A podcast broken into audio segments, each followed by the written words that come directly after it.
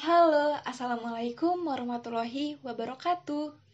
Hai teman-teman semuanya, kenalin nama aku Citra Berliana dari Departemen Jaringan Sosial Asalam Polban.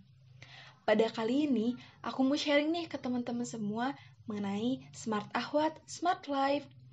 Oke, sebelumnya kalian pernah dengar gak sih ada istilah bahwa perempuan itu kodratnya ya ada di sumur, di dapur, dan di kasur. Pasti istilah ini sering kita dengar ya di kehidupan sehari-hari. Nah, tanpa kita sadari bahwa stereotip dari masyarakat lingkungan kita itu menunjukkan bahwa perempuan itu dirasa aneh jika ia berpendidikan tinggi dengan menuntut ilmunya. Maka banyak kasus anak perempuan yang putus sekolah di Indonesia. Kenapa coba? Karena orang tuanya sendiri merasa bahwa pendidikan bukanlah suatu prioritas utama bagi wanita. Padahal di dalam hadis riwayat Ibnu Majah, tolabul ilmi paridotun ala kuli muslimin. Menuntut ilmu itu wajib bagi setiap muslim. Jikalau setiap muslim, berarti laki-laki dan perempuan itu diwajibkan untuk menuntut ilmu sebanyak-banyaknya. Tidak laki-laki saja dan juga tidak perempuan saja yang diwajibkan, tetapi laki dan perempuan memiliki hak dan kewajiban yang sama untuk menuntut ilmu seluas-luasnya. Oke, okay, selain dari itu, berdasarkan Universal Declaration of Human Rights yang diproklamasikan PBB tahun 1948 menyatakan bahwa pendidikan adalah salah satu hak manusia.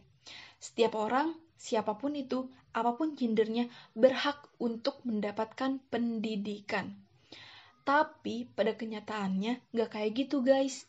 Jangankan untuk sekolah, di dunia aja, dari 758 juta orang yang gak bisa baca tulis, ada 2 per 3-nya. Dan 2 per 3-nya itu adalah perempuan. Sedih gak sih? Sedih banget pasti. Jika ditanya kenapa sedih, karena wanita sendiri adalah madrasatul ula bagi anak-anaknya. Tempat paling pertama anak menerima pengajaran. Jikalau wanita sendiri ingin mempunyai anak yang cerdas, ya yang harus dipastikan adalah ibunya sendiri yang harus cerdas terlebih dahulu. Bener gak? Bener dong. Nah, cerdas di sini bukan hanya cerdas intelektual saja ya, tapi cerdas emosional dan juga cerdas spiritual. Pernah dengar gak sih teman-teman semua bahwa wanita adalah ujung tombak dari peradaban? Kenapa coba? Ya karena anak yang cerdas itu lahir dari ibu yang cerdas. Contohnya kayak gini teman-teman tanah yang baik itu akan melahirkan bunga-bunga yang bau harumnya semerbak. Bunga mawar misalnya. Sedangkan tanah yang gak subur hanya bisa tumbuh kaktus yang baunya tidak harum dan berduri pula. Maka tanah di sini merupakan induk pertama bagi tumbuhan tersebut untuk berkembang. Maka hal itu pun berlaku untuk ibu.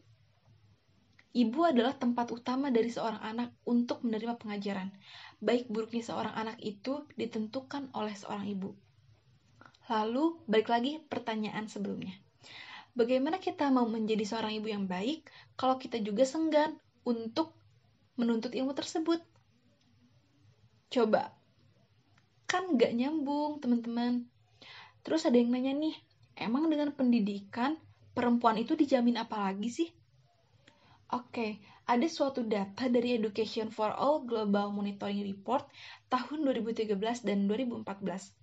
Perempuan Pakistan yang berpendidikan dan punya literasi skill yang bagus di dalam dunia kerja mendapatkan gaji 95% lebih besar daripada gaji perempuan yang tidak berpendidikan. Dan income tersebut ujung-ujungnya juga bisa membantu perekonomian mereka sendiri. Tuh kan, ternyata dengan wanita yang berpendidikan mampu membantu perekonomian bagi keluarganya.